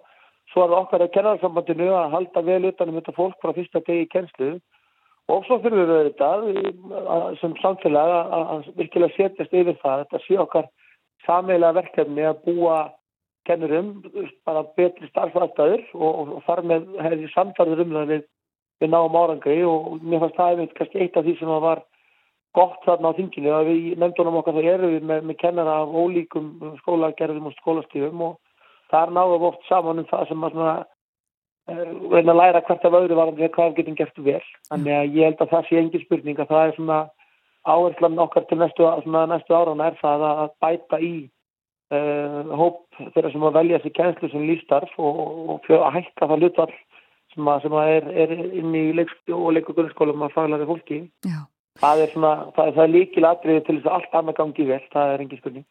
Þú nefndir þarna sko svona nýja ógn stafrænt uh, og, og það var líka fjallega um það veit ég á þinginu sko svona stafrænt uh, já, bara hvernig talað er um kennara og, og, og hreinlega líka bara um ofbeldi gegn kennurum. Uh, hefur fólk miklar áhugir af þessu og er að koma upp mörg svona mál? Ég held að skiptir náttúrulega bara mjög mjög máli við höldum utanum það að það auðvitað, auðvitað búið að vera reglulega í okkar starfi sem, sem að öðru starfi þá þetta komið på aðtök sem, sem eru býtna erfið og ég er búin að vera í 27 ári í skólastarfi og það er alveg reglulega gegn tíðin að verða að koma upp aðtök þar sem að, að kennarar verða fyrir áreiti og opeldi af einhverjum völdum kosti það eru að nefndum eða, eða einhverju fólki sem að tengist stendurinn í þeim. Hins vegar er það þetta bara þannig að það er alltaf bara aftur kannski að vísa bara í almenna, samfélagsumræðu að það er að gerast bara í bara öllum heiminum og það er alls ekki, alls ekki bara við því að ég var einmitt í sumar hérna á, á, á hefðumbráðstegnu Efurska kennarsabansins líi þar sem þetta var sérstaklega tilgjörnd um, um, um tala sem, sem evróst vandamánallafana að það er svona þessi, þessi, þessi tilmeying okkar eh, mannfólksins það að tala niður hluti og með, með, með eh, samfélagsmiðlunum þá hefur þar myndast vettfangur þar sem á ansi oft kemur upp bara já, niður, rifsumræða um ólíka þætti og þar hefur kennsla á kennarar því miður ekki fengið og það var hlut af því að það eru því miður oft, oft slíkir hlutir sem komu að inn á netinu geta komið fram meiðandi fullringar sem að, að svona, jafnvel spinna staðis lengur inn í umræði fræði hvort sem þeir eru á, á tegnslu við, við aðtóðasandekerfi fjölmila sem hefur, hefur verið ansi ja, hvað að segja, bara, bara óvægir í garð í ákveðina ákveðina mála sem hafa komið upp sem að kennur um eða skólum hefur kannski verið ætlaður hluti sem við erum ekki sáttið eða erum ekki sammála að, að sér í ett Já. og svo inn á svona umræði þræðið þar sem, að, þar sem fólk hefur kannski verið að velta batvíkum sem komu upp í skólunum og, og þetta allt mól, mólnar auðvitað og mólar auðvitað bara undan samstarfi heimilis og skóla og það er auðvitað bara mjög alvarlegt mál. Og við verðum sem samfélag finnst okkur að horfa inn í það að þetta megi ekki verða svona þessi þetta norm í samskiptum vegna að við, við náum aldrei einskóðum árangri ef við erum ekki alveg samstilt í því ef við þurfum að vinna saman að málefnum nefnda, hvort sem það er í leikurum framháls að tónlistaskóla og þetta er aðrið sem við höfum á að gera og greinum fagna breytingu. Eins og ég segi það var komið upp atvik sem að við orðið að bregðast við gegnum, gegnum árin. En með tilkomið samfélagsmiðlana og kannski núna á síðustu bara árum finnst okkur hafa breyst tölvöld mikið þessi umræða inn, í, inn á þessum, þessum vettfangum sem að, sem að er mjög meðandi og við viljum gera allt til þess að koma, koma, koma okkur böndum á hana því að hún, hún skadar og, og eitthvað sem að við eigum alveg klárlega sem samfélagi að geta unnið okkur út úr. Já. Já og þetta tengist þeim í þessum miklu umræða sem verið hefur í samfélaginu um eineltismál en það er annað sem að líka hefur verið svolítið e, e, í svona samfélagsumræðu undarfærið og það er e, læsi og, og lestur og, og slíkt komið þessi mál eitthvað til umfyllunar eða, eða umræðu á, á þinginu hjá ykkur? Já, ég myndi að ég talaði um á hann var auðvitað bara skólamólum með okkar Akkurat. og það auðvitað er, er læ, læsi mjög sterkur þáttur. Við, við náttúrulega höfum verið, ég held alveg allavega frá því að ég kom inn í kjenslu fyrir og ég svona sterkt upp úr aldamótum hefur náttúrulega læsi verið algjörlega uh, bara kjarna hugsunin í, í skólastarfi og í dag eru, eru, eru allir grunnskólar klárlega og alveg framhaldsskóla líka komnum með vinnu sem að hjálpar til við læsi eh, í, í við, víðum skilningi samt stundum kannski er, er einbettingin okkar, okkar og sérstaklega umræðan á síkast er verið svolítið á fyrst- fundist vera á, þröngum meiði og svolítið einfölduð. Eh, við þurfum að fá alls konar læsi og, og, og, og það er þetta bara verkefni skólakerfisins alltaf að vinna með þetta takkróf sem að við, við byggjum mjög margt undir Þannig að það er auðvitað, auðvitað sem, sem hlutur sem kemur, kemur inn í, í skólamála umræðu kennarsafansins og með, mikill ástæð þar á. Þar höfum við verið með, með ólíka, ólíka þætti undanfjörnum árum að vinna með og, og í dag myndi ég mér segja að við tónlega mér að segja það að við séum kannski að teikna upp myndir sem, að, sem að eru, eru ansið dökkar og, og svolítið verða að aðlæfa það að, að, að, að að það er einmitt sé ekki verið að vinna uh, starf sem, sem, að, að takja á við það. Ég ætla að leiða mér að fullera það að í öllum grunnskólum landsins þá er verið að leggja miklu áherslu á það að koma til mótsið við nefndur á þann hátt að fleiri vera nái hæfni viðmiðum sem að við miðum við í lestri og við munum gera það áfram klárlega. En það er alveg að, sjálfsögðu einn af stóru þáttunum í, í, í hérna, okkar skólamála stefnu. Við höfum talað um læsi en vissulega hefur það líka komið upp að við það er ekki síst verið að tala um miðlalæsi og vilja nýta svona, þá, þá nýju þekkingu og þau, nýju svona, tæki sem við höfum í kjenslunni. Já. Og svo er það líka að á undanfjörnum árum hefur í skólamála umræði mjög mikil umræði farið, farið einmitt í það sem að kannski má segja að við tengst eins og umræði sem hefur í gangi núna nýlega að við viljum að skólinn komi meira félagsverðni og sjálfseflingu nefnda og komið til mótsvið við það hugtaka svona auka mennskuna í öllum að svona, við verðum betri í félagslegum samskiptum. Þannig að það er svona, ég myndi ég segja, svona þessi, þessi punktar sem við vorum að horfa til en það sterkast núna, það, það var læsið og, og svo þessi þessi svona sprenging sem er að verða í, í kennslu búnaði og, og kennslu bara, bara hefni og svo félagsverðin og sjálfsæflingin sem, sem við erum að horfa til sem svona ákveðina áherslu punkta í skólahólastarinu. Akkurat. Já, það er hugur í kennurum. Uh, þú ert áðurinn í sleppið Magnús uh, stattur í Brussel þar sem þú ert að hitta evróska kennara. Hvað er efst á bögi í Evrópu í þessum málum? Já, við séum ekki bara að tala um það sama. Ég er þess að, já, fulltrú Íslands hérna í, í Európa-ráðinu. Það er, við, við að, ég er að leggja stað núna eftir 13 mínútur inn á fund sem hefur 19 andrið. Þar erum við meðal annars að tala um akkurat nýliðin kennara. Það er verið að tala um læsi. Það er auðvitað líka, Európa er auðvitað og, og við Íslandingar eru kannski uh, langt frá átökunum í Ukrænu. En það er stór, stór umræða sem að snýra því að, að hér er náttúrulega að sigla inn í landslag sem er, við erum með, með bæði náttúrulega þjóðum sem hafa verið í stíðsátökum hér í þessari nefnd. En svo náttúrulega er ekki þetta lítið fram með því að það er allt í Evrópu hér svona svolítið búa sundir erfiðan vittur þannig að við, við, í dag erum að fara að ræða það hvað, hvað verður þetta að gera ef að skólastarf lendir í vandræði vegna orkukostnar. Já, Þannig að ástandið í Evrópu og evrópskum skólum tengist auðvitað bara þessum átökum hérna sem er hérna austan, austan við núna í Ukræni. Þannig að það er auðvitað, verður auðvitað stórþáttur en, en, en svona í blandið verkefminn sem að, að snúast um því það sem að, að fókuspunkturinn er nýliðin kennara og starfsengur þeirra. akkurat. Ég ætla að sleppa þér, uh, Magnús, á þennan fund. Takk fyrir að spjalla við okkur á morgunvaktinni, Magnús Þóri Jónsson, formaða kennarasambandsins. Takk fyrir það. Þá ætlum við að hlusta á lag. Hlusta á lag sem uh, var kynnt hér inn í þættinum á föstudaginn síðasta. En fyrir mistök var aldrei spilað. Þetta eru Marina Ósk Þorolfsdóttir og Rebecca Blöndal. Það syngja og leika lagið sem að heiti því skemmtilega nafni Góða kíkt í kaffi.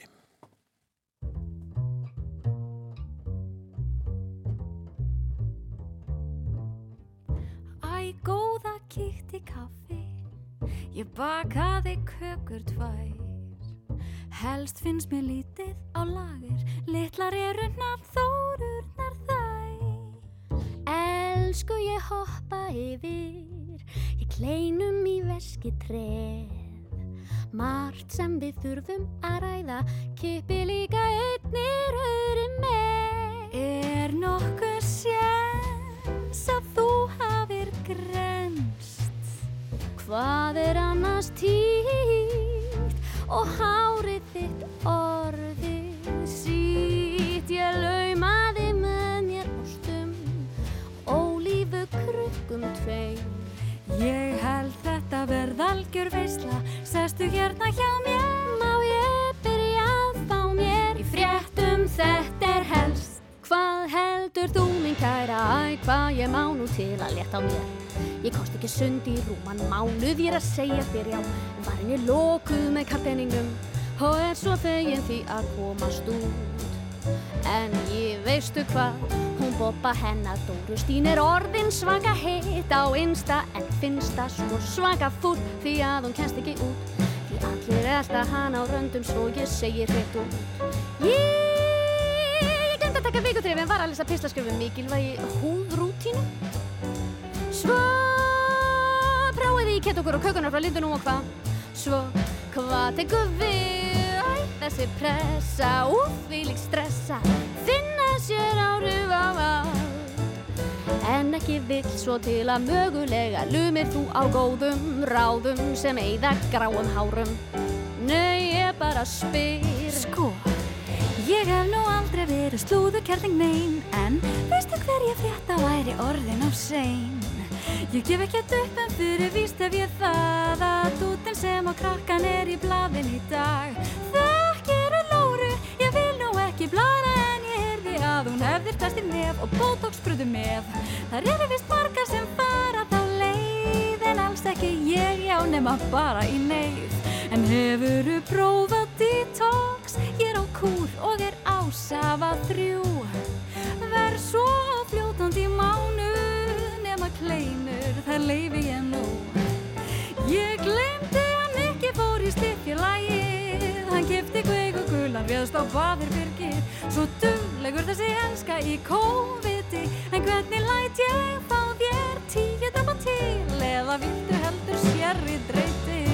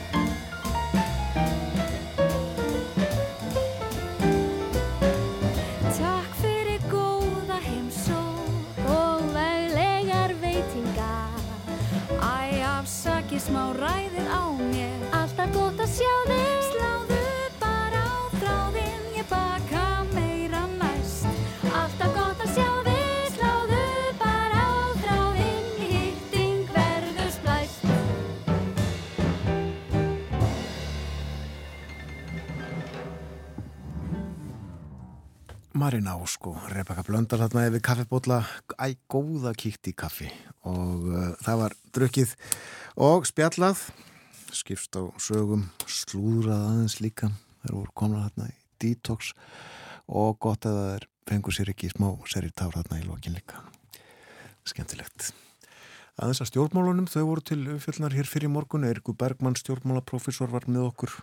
Tölum um sjálfstæðisflokkin landsfundinum helgina líka um uh, nýjan formann samfélkingarinnar og horfurnar fyrir þann flokk. Og svo töluðum við um uh, ég var að segja stemninguna fyrir ríkistjórninni almennt.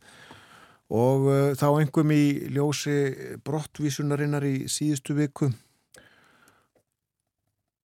Það mál mun verða ríkistjórninni erfitt, sagði Eirikur Bergmann. Og það er viðbúið að uh, það verði rætt á alþingi í dag, þingfundur í dag eftir hlið frí í síðustu viku út af Norðurlandaráðsþinginu og þingfundur klukkan þrjú hefst með óundirbúnum fyrirspurnatíma og uh, meðal ráþæra sem hægt verður að kalla upp í pontu og eiga orðastað við er dónsmálaráþæran þetta er ekki líklegt að að þetta mál verði rætt við hann fleiri ráð þeirra verða þarna líka fundunum.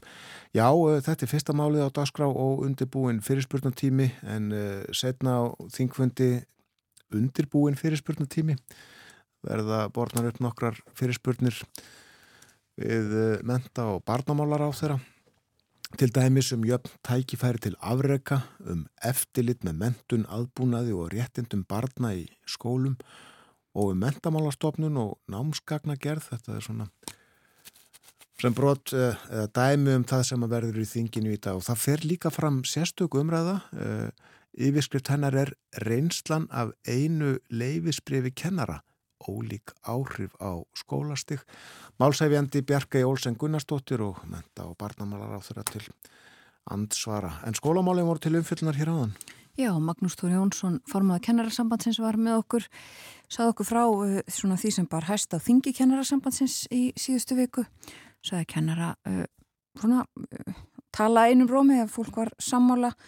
Það eru alls konar stórmál meðal annars áhyggjur af nýliðun og ofbeldi og svo líka fjallaðum læsismálin sem hafa verið mikið í, í umræðinni og hann saði líka þessi mál eru svipuð víða um Evrópu, áhyggjurnar og uh, viðfóngsefnin þau sömu en þó með þeirri viðbútað uh, það þarf að ræða um það hvað gerist ef að orkuna skortir í kennslustofum í Evrópu í vetur. Við spurning líka í morgun, kemur að því að við vinnum fjóra daga í viku? Já, sagði Dagný Aradóttir Pindlögfræðingur PSB vinnu tímin, vinnu vikan til umfjöldunar. En morgunvaktinni er lokið, klukkan alveg að verða nýju, við verðum hér aftur í fyrramálið, bjóðum góðan dag þegar klukkuna vantar tímindur í sjö en þökkun samfélgina þennan morgunin. Verið sæl.